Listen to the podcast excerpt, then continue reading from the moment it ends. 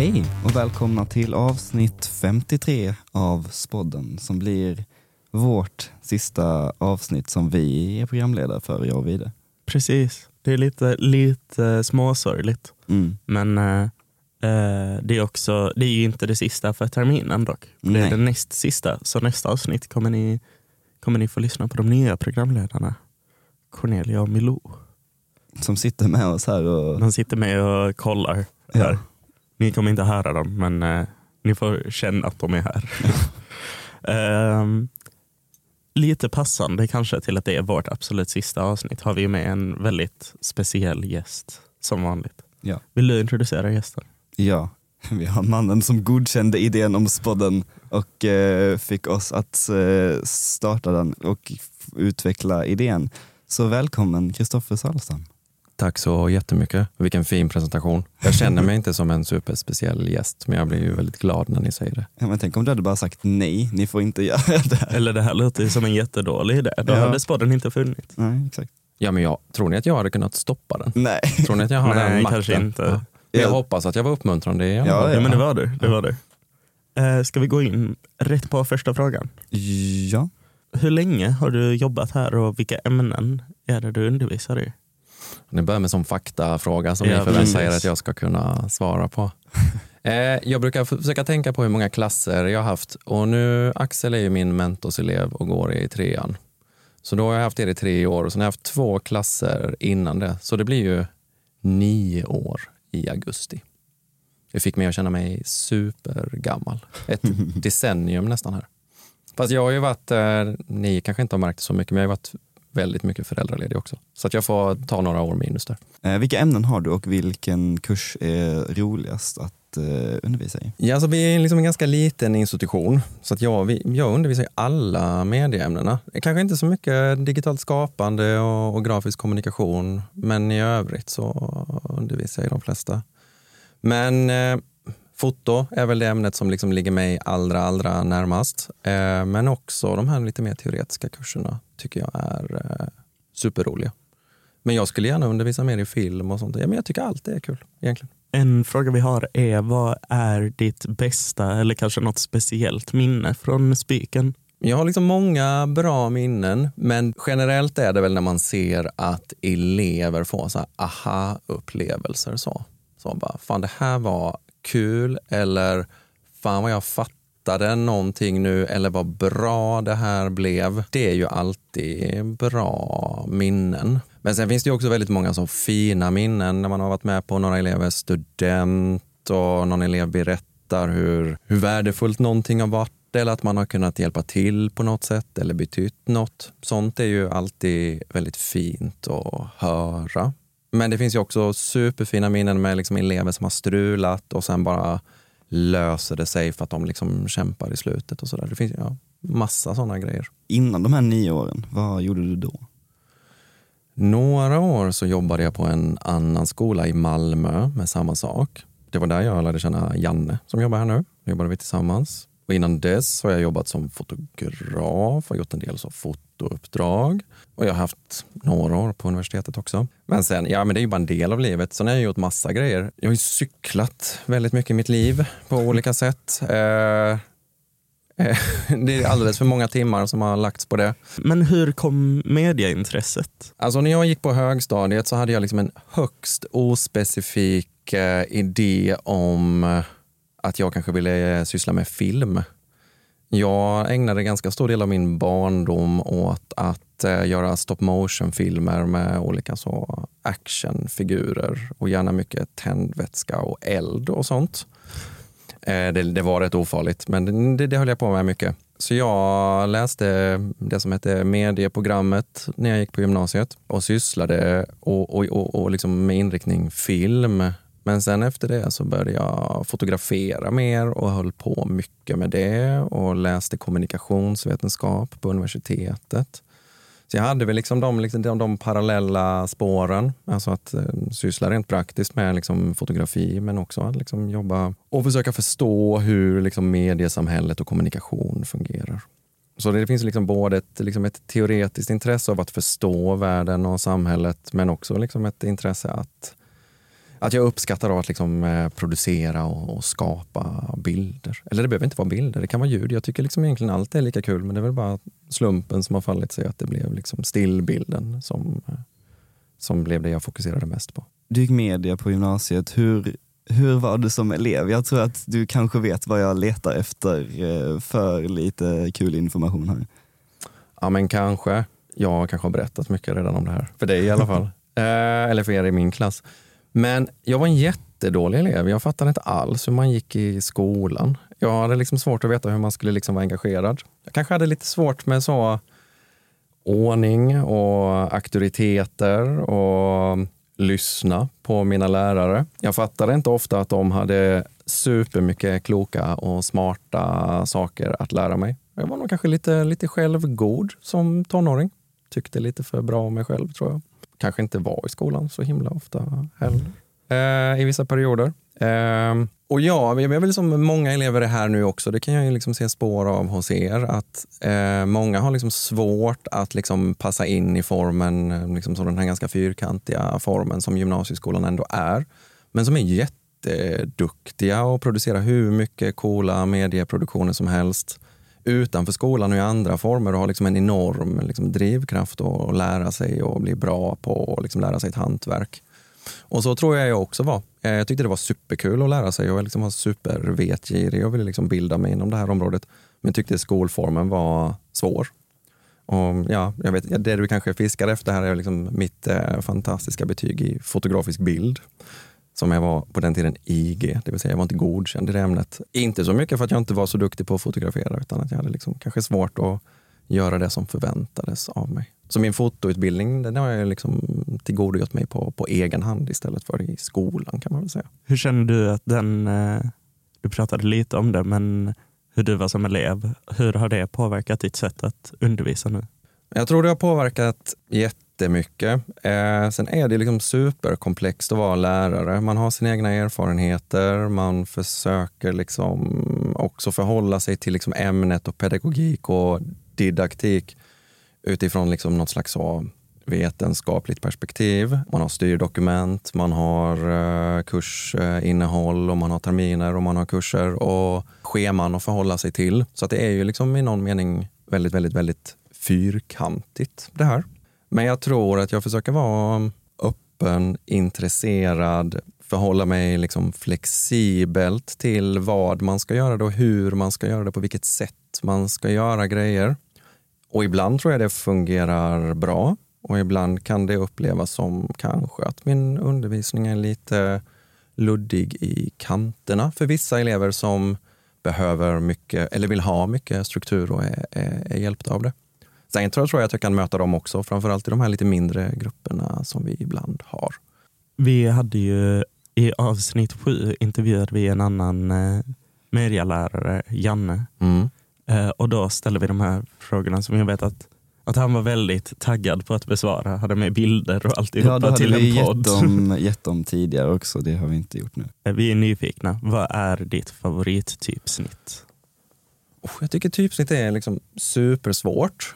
Jag tycker ju att det är ett väldigt intressant och roligt ämne. Och jag tror skillnaden mellan mig och Janne är att han tar sig an ämnet på ett otroligt noggrant sätt. Så, med, som bygger på, på mycket kunskap och liksom stor förståelse kring färg och form och storlek och eh, hur olika typsnitt kommunicerar. Jag tror min ingång till typsnitt är lite mer intuitiv och favorittypsnitt tycker, vill jag nog ändå liksom basera på vad det ska användas till. Men jag tror att det jag faller tillbaka på är ju att jag nästan alltid använder uh, Cooper Heavit. Det är så himla bra för det finns i 16 vikter. Det är ett, en, neutral eh, uh, sans-serif. Uh, eh, den, den passar liksom till väldigt, väldigt, väldigt, väldigt mycket. Så det är ett väldigt, väldigt fegt svar. Men den gillar jag. Men jag satt förra, nu är det tre veckor sedan kanske, så satt jag och höll på att ändra med min vet, när man, i, sin, sin, eh, I sin mail kan man ju, liksom, om man har Outlook eller något sånt program, kan man ju finjustera liksom hur ens mail ser ut till exempel. Och där, och där fastnade jag och satt länge och funderade på hur sjutton ska jag göra det här. Men jag, men jag landade i att jag använder Garramond. Och det är ju en antik va? Vad säger ni om det, att använda det i så digital kommunikation? Det känns väldigt lite universitetigt. Det känns... Ja, det men, kanske är bra. Det var otippat, Ja, tänker jag verkligen. det känns jag, jannigt. Det känns lite jannigt, jag håller med. Men det är väl något bra. Ja, och, ja men jag, jag, jag tror att det blev ändå liksom tjusigt. Jag tror du har rätt. Ja. Jag tror att jag tänkte att ja, men det här vill jag nog ändå att det här ska liksom, eh, utstråla och kommunicera seriositet. Ja. Kanske är för att jag behöver väga upp det lite. Ja. Men en liknande fråga, vem är din favoritfotograf? Jag, jag, jag kanske inte har en favoritfotograf. Får man säga så som eh, fotolärare? Ja, Det får man väl Ja. definitivt säga, men det är också lite så här eh, politikersvar. man får Ja. motivera sitt svar. Alltså, det finns ju hur många spännande fotografer som helst. Och man, jag, jag kan, gå liksom, kan gå upp i bilder under perioder, lite beroende på vad, liksom, vad jag sysslar med. Alltså dokumentärfotografi har väl liksom alltid varit det som jag ändå tyckte har varit liksom mest spännande. Och då har det liksom ofta varit så Anders Pettersen och Christer Strömholm och de svenska, eller så, lite så skitiga dokumentärfotograferna har jag ju uppskattat eh, jättemycket. Men jag kan ju också bli helt hänförd av eh, Gregory Crowdsons bilder. Det vet ju du Axel, det brukar jag babbla om. Men ofta är det ju liksom, och de, här riktigt skickliga fotograferna har ju liksom alltid ett, liksom ett, ett språk och en stil och man liksom känner igen deras bilder och, och de är liksom skickliga på att liksom berätta på det sättet som, eh, eh, som, de är, liksom, som de sysslar med. Men ofta är det ju ofta en bild som fångar den på något sätt. Och då är ju inte fotografen så jäkla viktig. Utan det kan ju vara liksom stämningen och känslan eller liksom situationen som man ser en bild i som, som påverkar en liksom starkt. Nu blir det kanske lite svårt i ljudform, men vi försöker. Om du fotar någonting, eller liksom, kan, vi, kan man förklara på något sätt din stil eller hur ditt uttryck brukar vara? Jag har inte sett så mycket av liksom, vad du själv har gjort, så det är Mm. lite nyfiken. Alltså när jag, liksom när jag gör fotojobb, då har ju inte jag liksom riktigt förmånen att jobba liksom konstnärligt med fotografi, för det har liksom inte varit min ingång till det, utan då har det ju varit reportagefoto eller um, stilleben i studio och sådär. Så då är de ju liksom ofta ganska tillrättalagda för att det ska passa mediumet som de ska vara med i. Men när jag fotograferar själv eh, så, så faller jag liksom alltid tillbaka på symmetriska, platta bilder. Min sambo brukar beskriva dem. Hon är arkitekt och superduktig och liksom jobbar med visuella uttryck. Hon, hon tycker att de är, eh, vad är det hon använder för, använder för begrepp? Fega och likgiltiga. eh, och jag tror inte hon menar liksom någonting riktigt så illa med det, men det är nog kanske så man skulle mm, ändå kunna beskriva dem. Det är ju liksom mm, symmetri och tydlighet och liksom klara, rena motiv som i någon mening är lite oväntade. Men det jag kanske egentligen skulle vilja fota mer som jag inte har gjort så mycket, det är ju liksom ändå människor. Eh, jag har gjort lite fotoprojekt tidigare, men det är egentligen det jag kanske tycker är allra, allra, allra, allra roligast. Ska vi Då- eh, lämna lite den här eh, medianördiga delen av podden kanske och röra oss mot Instagram-frågorna? Ja. Det blir ju så när man sätter två medieelever och Ja. en medialärare Vår första fråga vi har fått in är någon som vill ha en walkthrough av livet, av ditt liv antar jag då. Inte en tutorial på ett allmänt liv eller? Ja, för det kan jag inte ge. Nej, Det exakt. Det är nog väldigt svårt för någon att göra. Jag är fel person att ge goda råd till andra. Så frågan är en walkthrough av mitt liv. Precis.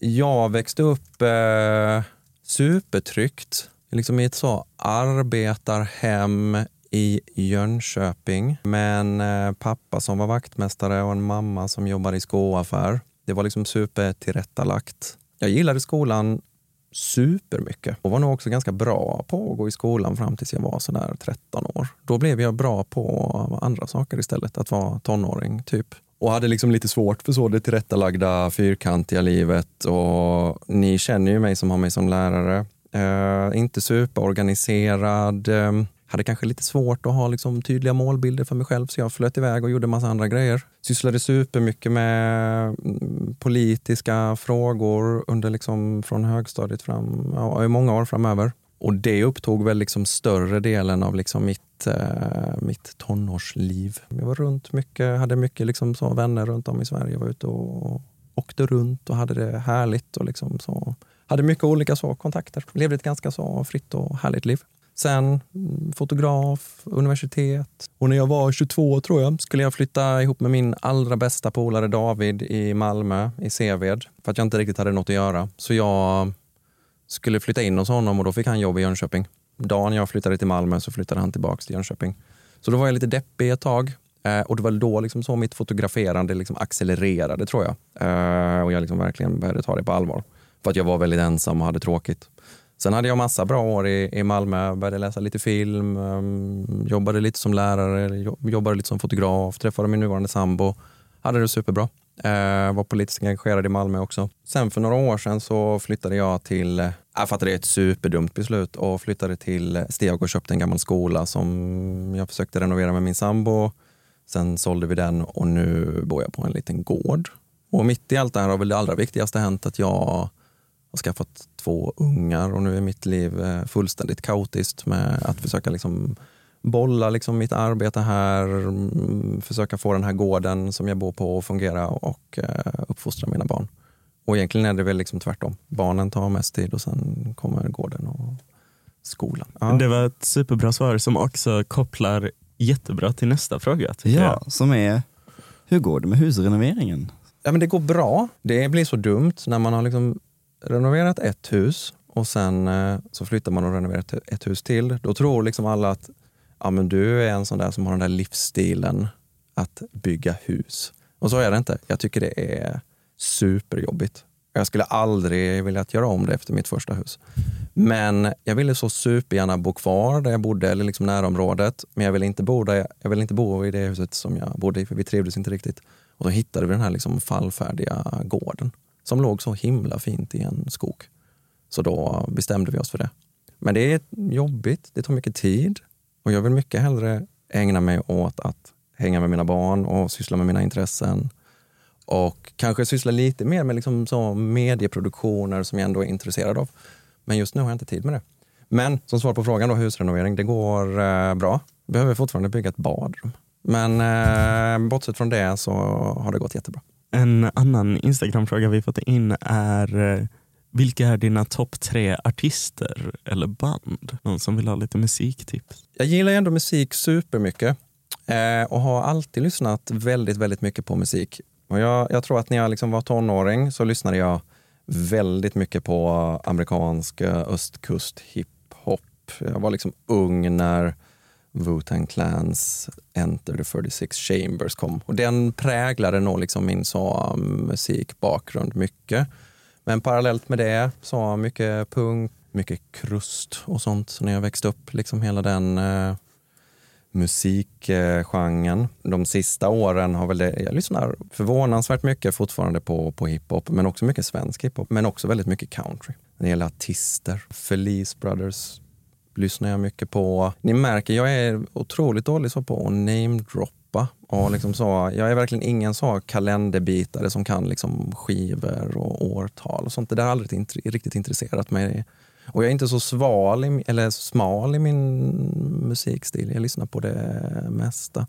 Just nu så lyssnar jag på någonting som heter Vernon Springs väldigt mycket. Modern, klassisk musik. Men jag sätter gärna på liksom lite så black metal om det passar hemma. Eller varför inte liksom så, jag kan också sätta på liksom så 70-talsslager kan jag gå igång på. Eller finns bra svensk progg. Kanske till och med Ulf Lundell. Vad lyssnar ni på? Svår fråga. Ska man komma ut med det i det här? Ja precis. Ska man, jag lyssnar väl mycket på eh, en genre som är så här, en genre jag verkligen fastnat för är Riot Girl.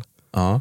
Alltså, så typ Le Tigre och Bikini Kill och precis, sånt. Precis. Och det, det känns typ, ju som min uppväxt. Det yeah. var väl liksom de åren jag var ung. Alltså ja. det, är ju, det är ju sån uh, sent 90-tal postpunk. Uh, alltså, jag lyssnar nog mycket på så här elektronisk musik, typ techno. Mm. Uh, mycket för att det är bra att plugga till och det är kul att dansa till. Mm. Även typ så här hyperpop lyssnar jag mycket på. Grimes är min toppartist alla mm. år. Du då Axel? När jag tog körkort så köpte jag Lords melodrama skiva som jag redan lyssnat på innan jag köpte den skivan. Eh, men liksom Lord, sen jag tänker gå på saker jag har saker från. Jag har en Palais Royal tröja. vad ska man kalla dem? Eh, de kallar, jag tror de säger fashion rock, vilket är så här, liksom det konstnärliga plus men de, de ändrar sig lite efter deras eror, typ konsteror. Så nu de har en renässansera lite så. Jag kom på en till också. Mm. Politisk. Typ Dr. Cosmos är ju så här toppartist också, vilket är ju svensk synt Mm. pop som är väldigt ja, men politiska texter. Och sen igår var jag på ja, Hoodin här från när jag var på Pussy Riot-konserten. här. Och då, det är också Just det. lite mer så här, den är lite mer aggressiv eh, rysk politisk musik. Men eh, jag tänker det hela 90-talet där med eh, så Dr. Cosmos. Det finns ju massa andra sådana svenska band liksom i den genren. Med, fin, finns det nu för tiden? Liksom nya exempel på det? Den nya, nya punken Mm. tror jag också är den här lite så här experimentella maximalistiska. Typ Ja. så här, oljud. Det finns ett nytt oljud som är liksom mer baserat på så här datorljud. Mm. Och sen tänker jag också, på tal om liksom mindre så, så måste jag väl ändå säga att Söder om Söder som är ett litet, litet skånskt eh, band. De är väl i den här vågen av liksom mindre skånska, jag vet inte om man kan kalla dem punk, men liksom åt det hållet. Eh, plan B. Och jag måste ta mig in i det mer för att jag har tänkt göra det och sen så gör jag inte Mm. det. Men eh, det har jag att tacka mina Kristianstad-gäng för. Så shoutout till er. Okej, men jag måste också fråga, för jag tror den artist jag lyssnat absolut mest på det sista året är väl eh, David Richards. Vet ni vem det är? Jag vet inte om ni, Nej. ni är kanske för unga, eller han kanske liksom tilltalar liksom lite äldre personer.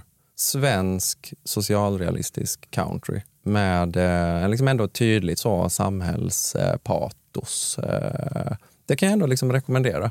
Mm. Så får ni lyssna på det och så får ni återkomma. Men okej, efter den långa musikfrågan så ska vi hoppa till nästa vi har fått och det är Har du något att säga till treorna som nu tar studenten?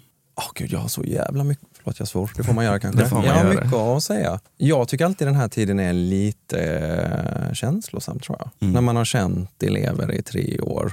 Ja, men framförallt den här ES-klassen som du går i Axel. Den, det känns som vi har haft väldigt mycket med varandra att göra i tre år. Mm. På ett väldigt positivt sätt. Men det har varit liksom lite strul och lite liksom konflikter. Och, men det har också gjort att jag...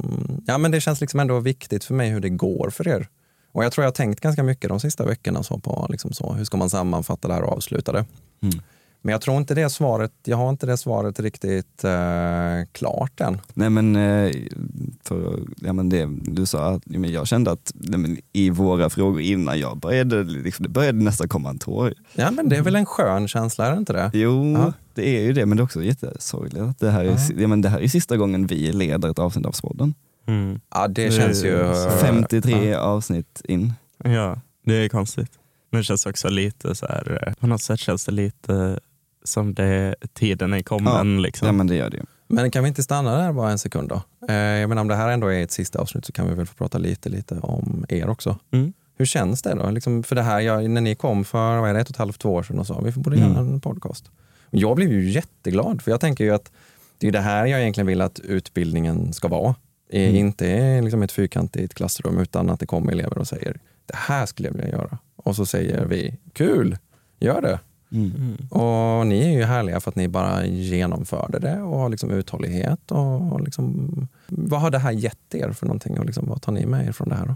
Jag, tänk, alltså, jag menar, det ger ju en... eh, Vi hade aldrig kunnat fördjupa oss så här mycket i någonting enskilt Nej. utan att göra 53 avsnitt av det. Jag kom ju in här utan att ha fått en genomgång av studion och kollade Youtube tutorials på sakerna. Och, men vi har ju liksom gått från grunden. Vi, det är inte som att vi har någon intervjuteknikutbildning någonstans eller vet hur man ställer öppna frågor som ger bra svar eller flikar in med bra följdfrågor utan det är liksom saker som har bara utvecklats med, med tiden och med gästernas hjälp. Men är det inte så det måste vara? Tror ni man bara kan lära sig det i ett klassrum? Nej. För jag berättat att jag har någon föreläsning när jag pratar om intervjuteknik. Jag vet inte om jag har haft Mm. den mer. Men så Inte. pratar man just om det där. Ja, men ställ öppna frågor, skapa en god atmosfär. Mm. Börja inte med knöliga, svåra frågor utan börja med enkla saker tills folk blir bekväma och sådär. Mm. Mm. Men jag vet inte om, när man väl sitter i en intervjusituation sen, att, att den liksom bara faktakunskapen gör en till en bra intervjuare. Det krävs väl 53 avsnitt för att Mm. man ska bli bra på det här, tänker jag. Att de lärdomarna kommer med erfarenhet. Ja, men jag Ja. känner ju definitivt att jag lärt mig mer om att vara liksom en, en självständig skapare och producent på något sätt av, av detta. Eller det är ju det jag har lärt mig Ja. mest av och sen kunnat applicera på annat som att kunna ja, men skapa egna projekt eller eh, arbeta Mm. med andra uppgifter. Men att kunna, alltså detta är ju på något sätt varit grunden för att lära mig att så här, gå från planeringsstadiet till en färdig produkt Ja. utan någon eh, utomstående hjälp. Jag tror att det öppnar ju för, kanske inte att direkt hoppa på något enormt, liksom, men att få någon, någon ingång till liknande grejer i framtiden. Jag menar detta Mm. står på mitt CV. Ja. ja, men det gör det eh, på mitt också.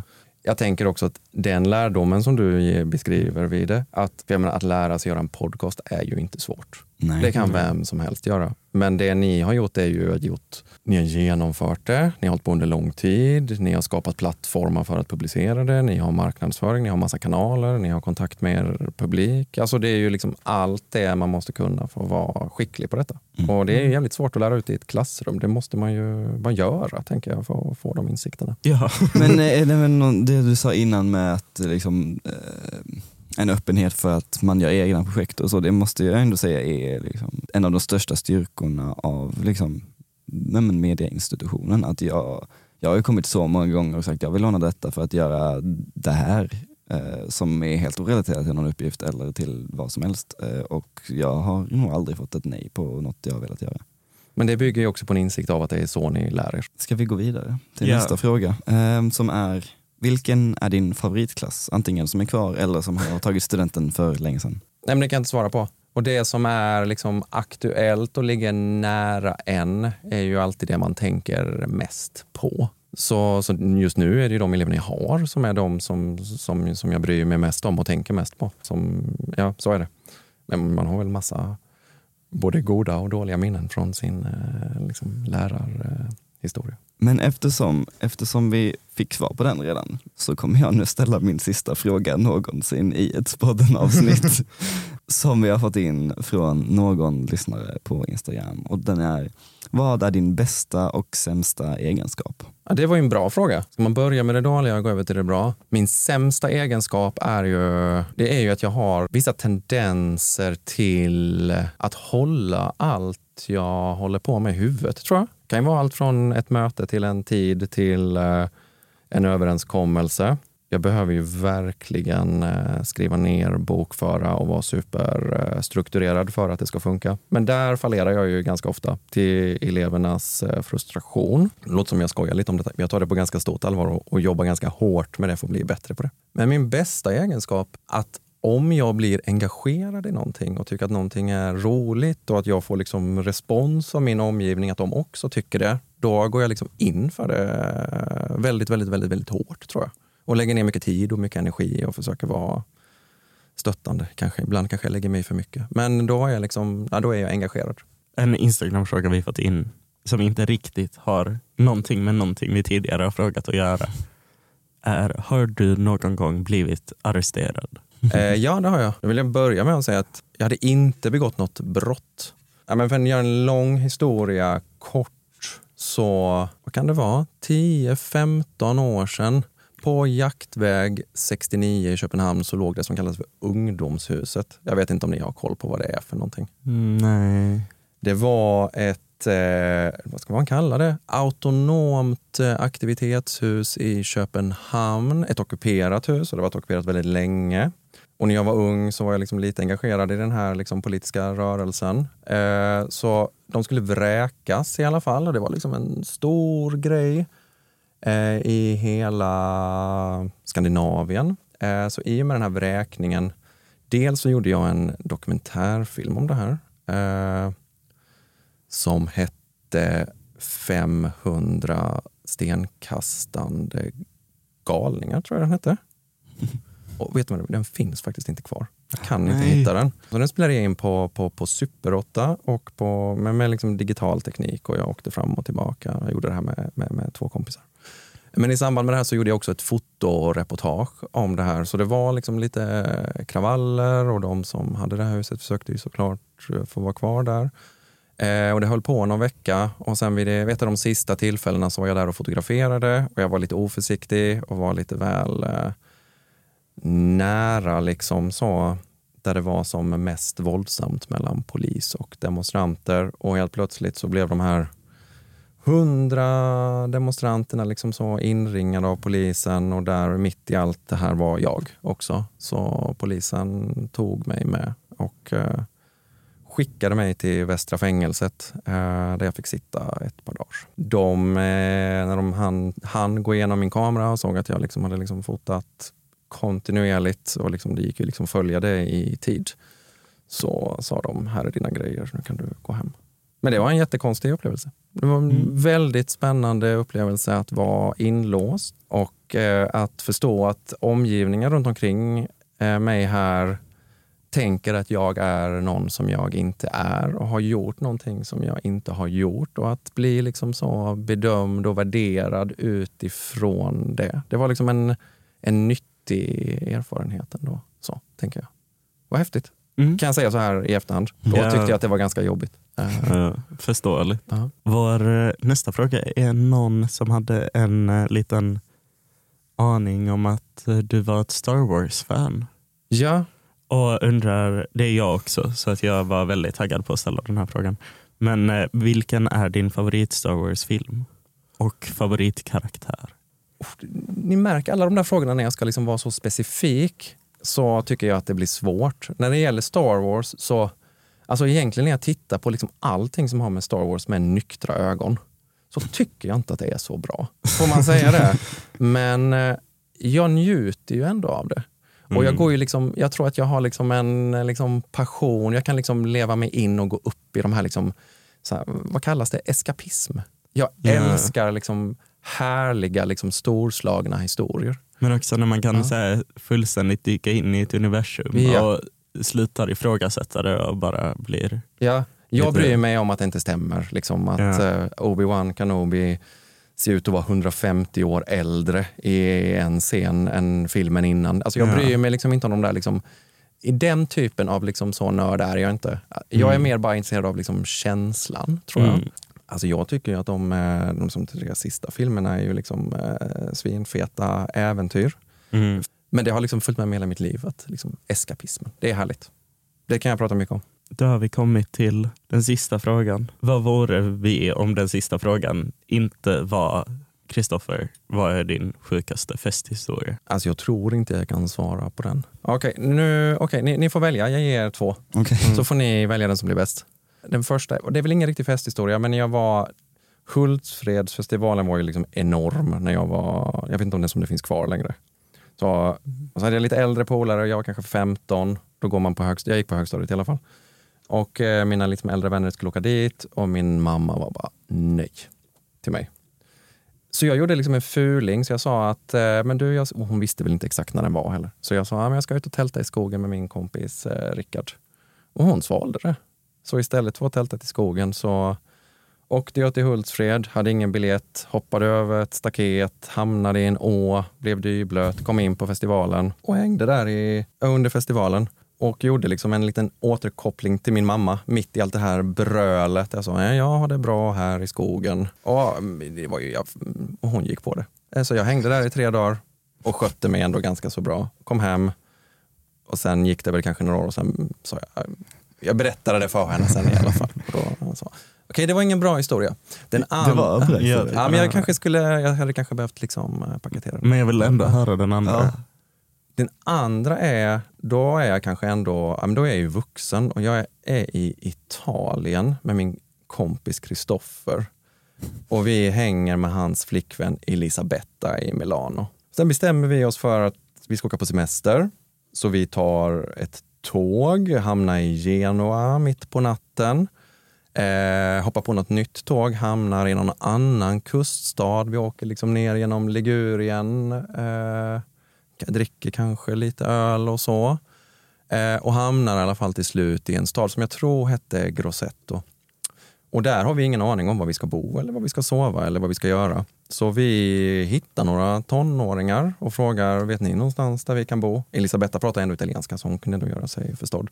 Så de bara, ja, ja det finns en, en, en, en gammal eh, fascistisk eh, hamn som, som fascisterna använde under andra världskriget, eh, en mil utanför staden. Där finns det en grotta och det finns en hamn och det finns en strand och där kan man sova. Så vi säger, ja men det blir väl bra. Och då är det mitt i natten och vi har druckit lite öl och vi blir skjutsade dit av en inte helt nykter italiensk ung människa. Eh, och mitt på någon slags stor väg så bara stannar han bilen och det är kolsvart, finns inga lampor och så är det på ena sidan ett berg och en ravin. Och så säger, så säger han bara, men det är bara att gå ner för ravinen här. Och det var, här var ju liksom innan iPhones och mm, ficklampor på telefoner, så det var ju liksom bara att i det här kolmörkret gå ner för den här ravinen. Och det gick bra, vi kom ner och till slut så ser vi att men här är en strand. Där borta ser det ut att vara en, en grotta, för det är lite mörkare där. Men från den här grottan lät det väldigt, väldigt, väldigt, väldigt, väldigt konstigt. Alltså som en galen person var där. Alltså uttryckte konstiga ljud, helt enkelt bara. Men vi hade ju inget annat att göra så vi fick ju sätta oss. Vi vågade inte gå bort i grottan. Så vi stannade på stranden, somnade i våra sovsäckar och, hade, och vaknade. Får man väl säga. och sen visade det sig att det bodde en tokig italiensk man i den här grottan. Och vi, mm. han, han bodde där på sommartid visade det sig. Och det var hans hem. Uh, och han var inte jättelätt att kommunicera eller prata med. Men, så vi höll oss på avstånd. Men han hade liksom tagit grottan så vi kunde inte bo där. Mm. Det var väl den andra historien. Då. Det var inte heller en festkväll, det var bara något som hände. Men det är lite fri tolkning tycker jag. Mm. Jag vill inte uppmana någon att ljuga för sina föräldrar. Eller bo i en grotta. Eller uh, lita på uh, främmande italienska Ja, då får vi, först och främst får vi väl tacka Kristoffer jättemycket för att du kom hit. Det känns som att man borde, man säga, borde säga Men det kommer i nästa avsnitt där vi har, får ha ett långt avslut och allt möjligt. Ja, precis. Jag. Tills nästa vecka då Cornelia och Milou kommer vara programledare så uh, ja, då får ni som lyssnar följa oss på spodden.podcast på Instagram och om ni vill mejla oss så får ni göra det på spodden.gmail.com. Ni kan mejla oss om ni vill. Mm. Men tills nästa vecka, så tack. Tack för, att man, tack för att jag fick komma. Får jag säga saker? jag, glömde, jag, jag började svara på något annat istället. och tack för att ni lyssnade. Hej då.